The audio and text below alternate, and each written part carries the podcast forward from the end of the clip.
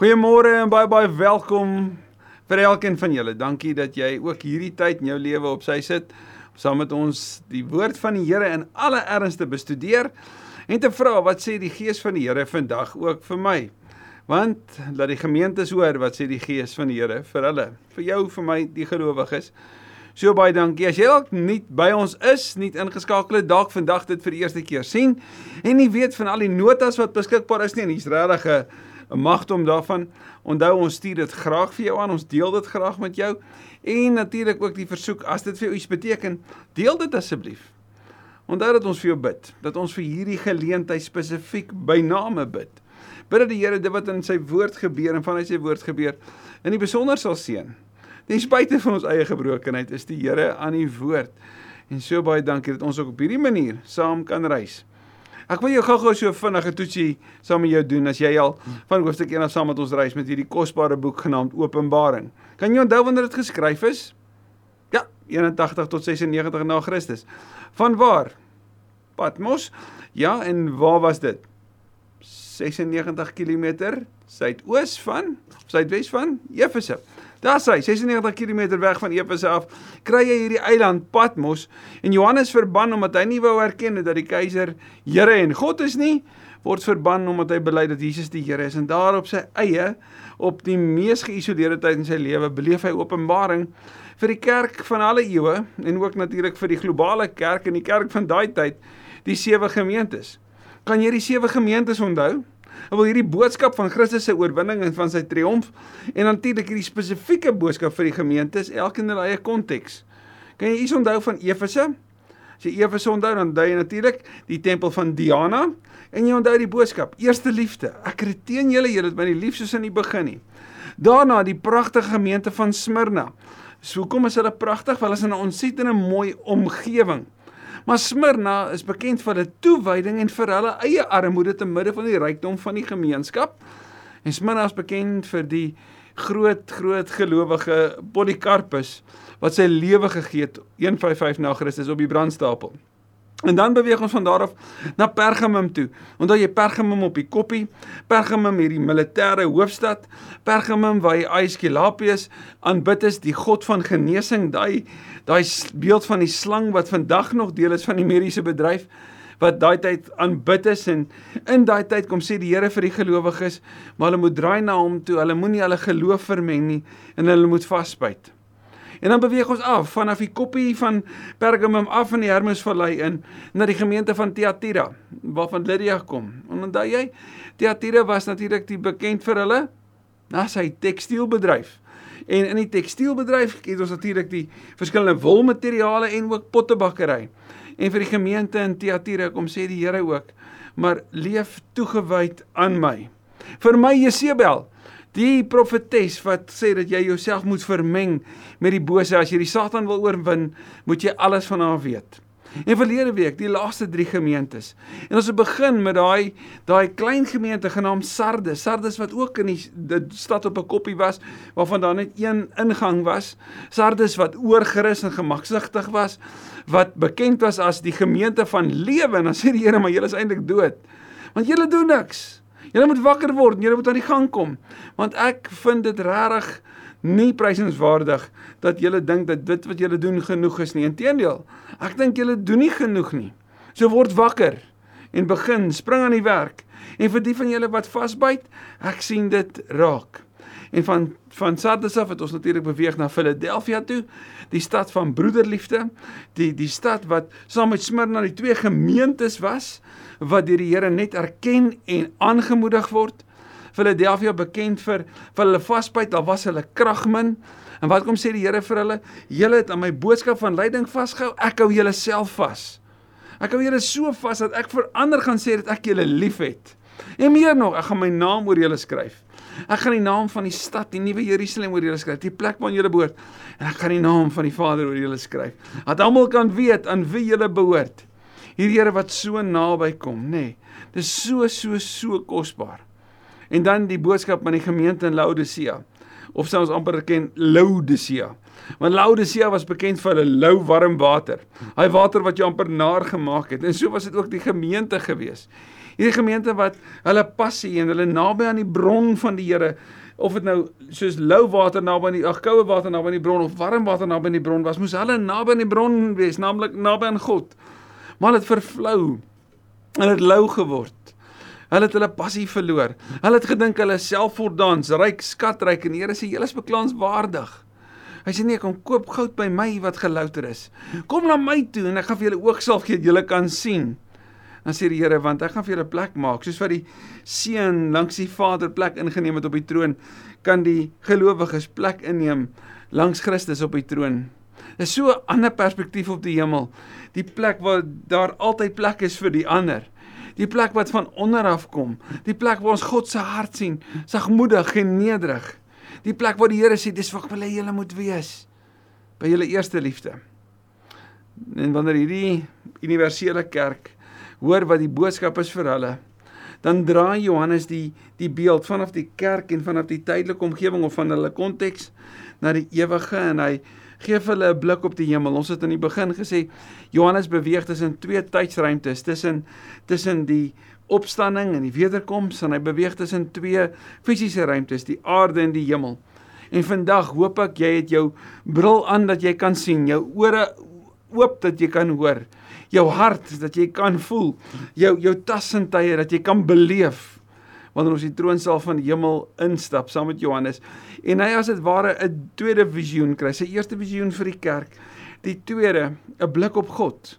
En hoekom is dit belangrik vir die kerk om om te sien wie die Here is? Want hierdie boek van troos en aanmoediging moet altyd vir hulle herinner aan die perspektief van wie hulle dien wie dit is waarin hulle op pad is. En met die oog daarop soos Hebreërs 12 sê kan hulle die hier en die nou verduur want hulle weet waarin hulle op pad is. Kom ons bid dat die Here dit ook sal seën. Dankie Here dat ons aan U kan vashou dat ons aan die woord kan vashou dat U ook vandag met ons wil praat en en dat U ons ook tot dieper insig wil lei. Doen dit asseblief ook in Jesus se naam. Amen. Amen. Openbaring 4 die opskrif God sit op die troon natuurlik troon 'n plek van heerskappy, 'n plek van standvastigheid en as God op die troon sit, dan kan dit beteken dit vir die gelowiges al wankel die omstandighede, al verander dinge dalk vinnig, al is daar tragedies en natuurrampe, God is op die troon. So daarom kan ons standvastig volhard en ons geloof in hom behou. Hierna het ek Johannes, dis natuurlik die geliefde disipel, die Boanerges wat moes ontdek maar nee ek is 'n geliefde van die Here. Die een wat die evangelies geskryf het. Die evangelie van Johannes en natuurlik die briewe. Hierna het ek Johannes in die hemel deur gesien wat oopgemaak is. En die stem soos die geluid van 'n trompet wat ek die eerste keer met my hoor praat het is natuurlik Jesus het vir hom gesê kom op hierheen. Nou dit herinner waaraan Ja, jy's reg. Aan Eksodus, daar in hoofstuk 19, God wat vir Moses sê, kom op hierheen. Klim op na Sinaï toe, die berg uit. Kom in my teenwoordigheid in. So Johannes beleef iets daarvan in sy visioen. Die Here sê, kom hierheen. Wat sê Jesus in Matteus 11? Kom na my toe, almal wat moeg en oorlaai. So daai uitnodiging, hierdie keer is dit God wat sê, kom op hierheen. En ek sal vir jou wys wat hierna moet gebeur. So Johannes, jy moet hoor en vertel. En ons sien dit in die Johannes Evangelie ook dat Jesus sê, "Dit wat ek by die Vader gehoor het, het ek vir julle gesê." So nou kom Johannes en Here sê, "Ek wil vir jou wys wat lê voor." En voordat hy kom by wat voor lê. En wat voor lê is die oordeel oor die wêreld. Wat voor lê is die einde, wat voor lê is die bruilof van die lam. Moet Johannes verstaan wie dit is wat dit sê. Hy moet besef wie God is voordat hy hoor wat gaan gebeur. Luister mooi. Onmiddellik is ek deur die Gees meegevoer. So, sommige reken, Johannes is nie met sy liggaam beweeg nie, maar in sy gedagtes, hy het 'n visioen gehad. Paulus beskryf iets van sy eie ervaring daarvan in 2 Korintiërs 12 vers 2. Hy sê ek is deur die Gees meegevoer. Ek het gesien daar staan 'n troon in die hemel. Hierdie troon, die simbool van standvastigheid, van heerskappy en die koninkryk. 'n Troon in die hemel en op die troon sit daar iemand. Nou teenoor die Romeinse troon wat ook bestyg is deur 'n keiser, het jy nou die hemelse troon. Ek wil dit staan in skrille kontras. Want ja, die Romeinse troon was was gekleurd gewees en daar was allerlei bling as dit ware om dit en hy wat daarop gesit het was deur ander geëer en vereer. Maar God, die Heilige, sit op hierdie troon en en en hy staan in skrille kontras want hierdie is die ware een, die ware persoon om te te dien en te aanbid en te eer, die ware Here en God. Teenoor keiser Domitianus van daai tyd wat wou hê hulle moes hom uitspreek, weet hom aanspreek as Dominus et Deus, Here en God. Praat Johannes van die ware Dominus et Deus, die Here en God. En hoe lyk hierdie iemand? Natuurlik verwys dit waarskynlik hier na die Vader. Hoe lyk hierdie iemand? Sy voorkoms was soos opaal en karnieul. Nou opaal het verskillende kleure. Dit kan of helder rooi wees of 'n baie diep groen of selfs wit. Maar opaal herinner ons aan 'n diamant met sy verskillende fasette. sien wat ons hierin sien is iemand wat beskryf word in die taal van lig. Lig wat weerkaats word sien jy die die veelkleurigheid van en die skoonheid van die hemel. Lig wat weerkaats word. En wat is die eerste lig? Groen en rooi en wit. Soos opaal. En karnieul, karnieul is helder rooi. Om die troon, so so nou praat ons van bo oor die troon, nê, nee, op 'n vertikale grondslag. Om die troon was daar 'n reënboog. Reënboog natuurlik die teken van God se seën. Jy weet daai uit Genesis 6 Noag se storie die Here wat wat die reënboog gee as 'n teken van sy verbond. Maar hierdie is 'n bedoeling op veel kleurigheid, die volheid van kleur. So om die troon, die troon wat ons sien, iemand wat wat lig wat uit hom uitskyn, die veelkleurigheid daarvan, het bo oor hom sien jy hierdie reënboog van kleur. En wat se kleure kom sterk vir hom uit? Die kleur van smarag. Dis helder groen. Maak jou oë toe en beleef die hemel. Beleef die glans beleef die kleur van hierdie reflekterende lig. Reg rondom die troon. So nou het ons om die troon en vanaf 'n horison, ag vertikale rondom die Here, weet van bo af om die troon reënboog en kleur, het ons nou om die troon. So dis 'n horisontale sirkel as dit ware. Wat kry ons daar? Reg rondom die troon 24 ander trone. En op die trone was daar 24 ouderlinge hierdie 24 ouderlinge in die Grieks vertaal die 24 oudstes en die meeste kommentare kom ten minste hieroor ooreen en hulle sê wel dit verwys waarskynlik na die 12 stamme van Israel en die 12 apostels. Met ander woorde Ou Testament en Nuwe Testament. Met ander woorde die universele kerk, die volle getal van gelowiges. Al die gelowiges van alle tye, oud en nuut in terme van testament om die troon. Almal is daar. Anders gesê, God se mense is daar. Want dis die verteenwoordiging van hierdie 24 trone. En en dit sê ook so wees in die Bybelse tyd dat wanneer 'n priester voor die Here verskyn, verskyn hy namens die volk. So wanneer hierdie 24 daarom sit, dan verteenwoordig hulle al die ander wat agter hulle as dit ware sou staan. So daar's 24 ouderlinge. Hulle het wit klere aangetree. Nou 'n priester se wit klere is 'n simbool van reinheid, van sy diensbaarheid, van sy intree. Hierdie klere van van hierdie 24 ouderlinge oudstes is wit en op hulle koppe was daar goue krones. Die goue krones, die simbool van oorwinning. Dis waarvoor dit staan. So hierdie priesters is rein. Hierdie priesters het oorwin. Dink sommer aan Romeine 8 dat ons meer as oorwinnaars is deur hom wat vir ons lief is. Daar het weerligstrale, dreunings en donderslae van die troon af gekom. Nou in die wêreld van die Grieke sou hulle hierdie weerligstrale, dreunings en en en en donderslae sou hulle geassosieer het met met met die afgode van daai tyd. Hulle sou gesê nee, dit is juist die gode wat praat. Want nou vanuit die hemel is dit die Here en om hom is dit aan die beweeg.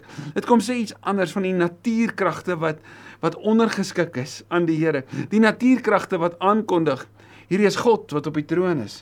Hoor jy dit met jou ore? As jy hier in die Hoofveld waar ons bly, as jy hier hier woon, dan dan is donderslag nie iets wat jou rustig laat slaap nie. Inteendeel, kan jy nogal wakker hou. En dat jy besef dat hier geweldige krag is aan die werk hier om jou. So weerligstrale, dreunings en donderslag wat van die troon afkom. Nou vlak voor die troon, hier naby, as dit ware in die binnesirkel, nê? Nee? het sewe fakkels helder gebrand. Voel die hitte. Jy het nou gehoor en gesien. Voel nou die hitte van daai daai fakkels wat helder brand, simbool van lig en verteenwoordigend van die Heilige Gees. Openbaring en so sê Jan Dirand en al die notas wat ek van Ekerk ook kon kry sê dat meer as enige ander van die Nuwe Testamentiese boeke Openbaring vertel ons meer van die drie eenheid as al die ander saam. Nie saam nie, al die ander. Openbaring kom vertel vir ons van die Vader, die Seun en die Gees. So, op die troon en nou om die troon en voor die troon. Die sewe die die sewe geeste van God.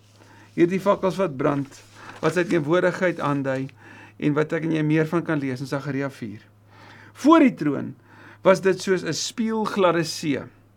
Nou, as bo om die troon die reënboog en al daai kleure is en voor die troon 'n see is wat wat spieelglad is. Kan jy sien hoe die kleur reflekteer? Vanuit die troon is daar kleur. Bo oor die troon is daar kleur. Die onder die troon voor hom is daar kleur wat gereflekteer word. Kleur op kleur op kleur met donderslae en drenings, met fakkels wat brand. Die hemel is 'n heerlike plek. 'n Wonderlike, wonderlike, glorieryke plek. Omdat die een wat waardig is, daar is. En hierdie troon is so 'n spieelgladde see, helder soos kristal. En nou weet ons as jy al kristal gesien het hoe die kleure ook daaruit, hoe die lig daaruit breek. Naby rondom die troon was daar vier lewende wesens vol oë van voor en van agter. En dis nou hier waar ek en jy verward kan raak. Dis hier waar ek en jy kan sê, "Goed, ek is by tot nou toe, maar nou die lewende wesens, wie's dit? Wat's dit? Wat beteken dit?" En wat is hierdie oë? Wel, hierdie oë wys dat hulle alles kan raak sien. En die beskrywing daarvan is, hulle hou die ganse skepping dop. Dis 'n beskrywing van God se alwetendheid. God wat alles weet en alles sien. Dink maar aan Psalm 139 wat sê u sien dwars deur my. U as dit ware hou my fyn dop. So weer kaatste lig van bo rondom van voor en die see, die simbool van die doodryk in die in die Bybel, veral in die Nuwe Testament gaan jy dit kry dat Jesus bo op die water loop. In die Ou Testament gaan jy sien Jonas sê ek het tot aan die fondamente van die aarde weggesak. Nou die die Here is die Here bo die doodryk. Maar die ref, die refleksie, die weerkaatsing is sy eer en sy heerlikheid is die lig. En dan nou hierdie diere. En wat verteenwoordig hierdie diere? Waar kom ons kyk? Die eerste lewende wese het soos 'n leeu gelyk. En die tweede het soos 'n bul gelyk. Die derde het 'n gesig soos die van 'n mens gehad en die vierde het gelyk soos 'n arend wat vlieg. So hier's vir jou twee perspektiewe vir elkeen van hulle. Die eerste kan die leeu verwys na die sterkste. Die bul na die makste. Die die mens na na die die mensheid van die skepping en en die voëls word deur die arend verwys as die voëls in die lug. So die makdiere, die wilde diere, die mense en die voëls. So die ganse skepping. Of dit kan verwys na die sterkste, die leeu's, die slimste, die mens, die wildste, leeuwilde, die makste skies die leeu die wildste, die sterkste die bul, die mens die slimste en die en die arend die vinnigste. So, die wildste, die sterkste, die slimste, die vinnigste, die ganse skepping. Nou weet ek nie watter een is jy by nie. Miskien voel jy hierdie is meer waar ek lê. Ek voel dalk meer nader aan hierdie wys klink my baie soos Genesis. Maar wat, kyk mooi, die Here oor alles het voor hom die ganse kerk en voor hom die ganse skepping en wat sê hy? Ek sien alles. Alles verteenwoordig sy alwetendheid oor die ganse skepping en die volledige kerk. Elkeen van die vier lewende wesens het ses vlerke gehad. Dit herinner aan die serafs van Jesaja 62 wat aan die bokant en aan die onderkant vol oë was, weer eens alwetendheid. Hulle dag en nag sonder om te rus gesê, sonder ophou, want hy is waardig. Wat het hulle gesê? Heilig, heilig, heilig is die Here God, die Almagtige. Hy wat was en wat is en wat kom. Hulle beleef sy grootheid sy almag, sy heiligheid. Hulle beleef iets van van Jesaja 6 vers 3. En dan kan die ganse skepping en die volledige kerk Nie anders as om wat te sê nie, om die Here te aanbid vir sy grootheid en vir sy mag. Aanbidding is 'n groot deel van die hemel. Dis wat ons daar gaan doen. Kyk mooi wat gebeur in vers 9. Elke keer wanneer die lewende wesens, dis wat verteenwoordigend is van die skepping, heerlikheid, eer en dank toebring. Dis amper as om sê, hoorie, ons moet onthou om te sing, hoor. Elke keer as hulle dit doen, aan hom wat op die troon sit, wat tot in alle ewigheid leef. Dit herinner so aan Johannes 1. Kniel die 24 ouderlinge voor hom wat op die troon sit en aanbid hom wat tot in alle ewigheid leef. Die hemel is 'n plek van verhouding. Die hemel is 'n plek van ontdekking, van nabyheid, maar wanneer ek en jy besef wie God is, dan kniel ons van self. Dan buig ons die knie van self. Niemand hoef vir jou te sê om die knie te buig nie. Niemand hoef soos Nebukadneser van ouds verwag van die volk om te buig nie. En as jy weier om te buig dan dan gaan jy die prys betaal nie. Nee, in die hemel sien jy die grootheid, die helderheid, die skoonheid van God. Die reinheid en die almag van God. Beleef jy die klanke? Hoor jy dit? Voel jy dit? En dan buig jy. En saam met die die lied van die skepping sal jy ook buig en aanbid. Heilig, heilig, heilig, hy wat is en wat was en wat kom. Hulle sit dan hulle krones voor hom neer. So as dit ware om te sê, ook dit gee ons oor. Dis ons verklaring voor U. Ons het niks om self op trots te wees nie. Die oorwinning wat ons behaal het is soos wat Openbaring later vir ons gaan sê, omdat ons vasgehou het aan ons getuienis en danksy die bloed van die lam. Die oorwinning wat ons behaal het is dat ons vasgehou het aan die boodskap van U lyding. Dit het ons deurgedra, maar selfs dit is nie ons oorwinnaarsprys nie. Dis wat ons u van u af ontvang het en daarom sal ons ook dit neerlê om aan u die ewige oorwinnaar die eer te bring. En wat het hulle gesê? Here ons God, hoor jy daai verhouding? Hoor jy daai nabyheid? U is waardig om die heerlikheid en die eer en die mag te ontvang. Omdat u alles geskep het, die ganse skepping, en deur u wil dit alles ontstaan en is dit geskep. Dis presies wat in Johannes 1 staan. Wat is die fokus van Johannes 4? God is op die troon. Wees weet daarom dat jy standvastig kan leef. Al wankel die omgewing, al wankel dit om jou, selfs al wankel die geloofsgemeenskap waarvan jy tans deel is. Onthou die Here is op die troon. Onthou die Here is waardig. Onthou die Here is ewig. Onthou die Here is die groot oorwinnaar en hy roep jou tot oorwinning na hom toe. Hierdie Here vir wie almal gaan buig en gaan bely. Openbaring kom sê vir ons God is heilig. God is almagtig en God is ewig. Hy is die Here van alle tye. En wanneer ek en jy hier op aarde in die tydelike dalk soms voel of ons koers verloor, kom ons kyk na die ewige. Kom ons kyk na die ewige ruimte. Kom ons kyk na dit waarheen ons op pad is. Kom ons sien die glansryke. En kan jy sien dat wanneer ons sien hoe mooi en helder en skoon en pragtig die hemel is, dat ons tog nie anders kan as om vir mekaar 'n veilige reis daarheen toe te wens nie. Om regtig te sê bon voyage, want ek weet wat wag vir jou. En ek is opgewonde vir jou as dit sou wees dat jy my vooraf gaan. Maar tot dan Kom ons motiveer mekaar, kom ons moedig mekaar aan. Kom ons spoor mekaar aan, kom ons vertroos mekaar met hierdie boodskap. God, die Here Jesus Christus, Vader, Seun en Gees is op die troon. Amen. Dankie Here vir hierdie openbaring. Dankie Here vir die beeld van die vier lewende wesens. Die wilde diere, die makdiere, die voëls in die lug en die mens. Here die wildstes, die sterkstes, die slimstes en die vinnigstes. Almal besig om te erken U is heilig. Want U is die een wat was en wat is en wat kom. Dankie dat ons kan deel in die belydenis van die kerk van alle tye. Die kerk van hulle wat daar was toe U opgestaan het. Daar was toe hy opgevaar het. Daar was toe die Heilige Gees uitgestort was. Daar was toe vervolging uitgebreek het.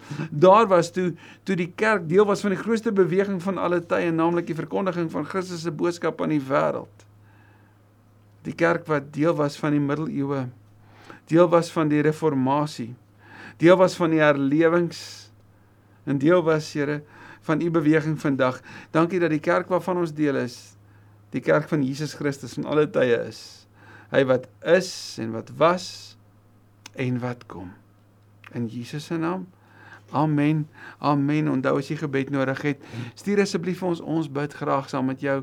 Verder bid ek dat jy sal vasbyt ook in hierdie week. Sal volhard en sal toelaat dat die Here in jou doen wat net hy kan.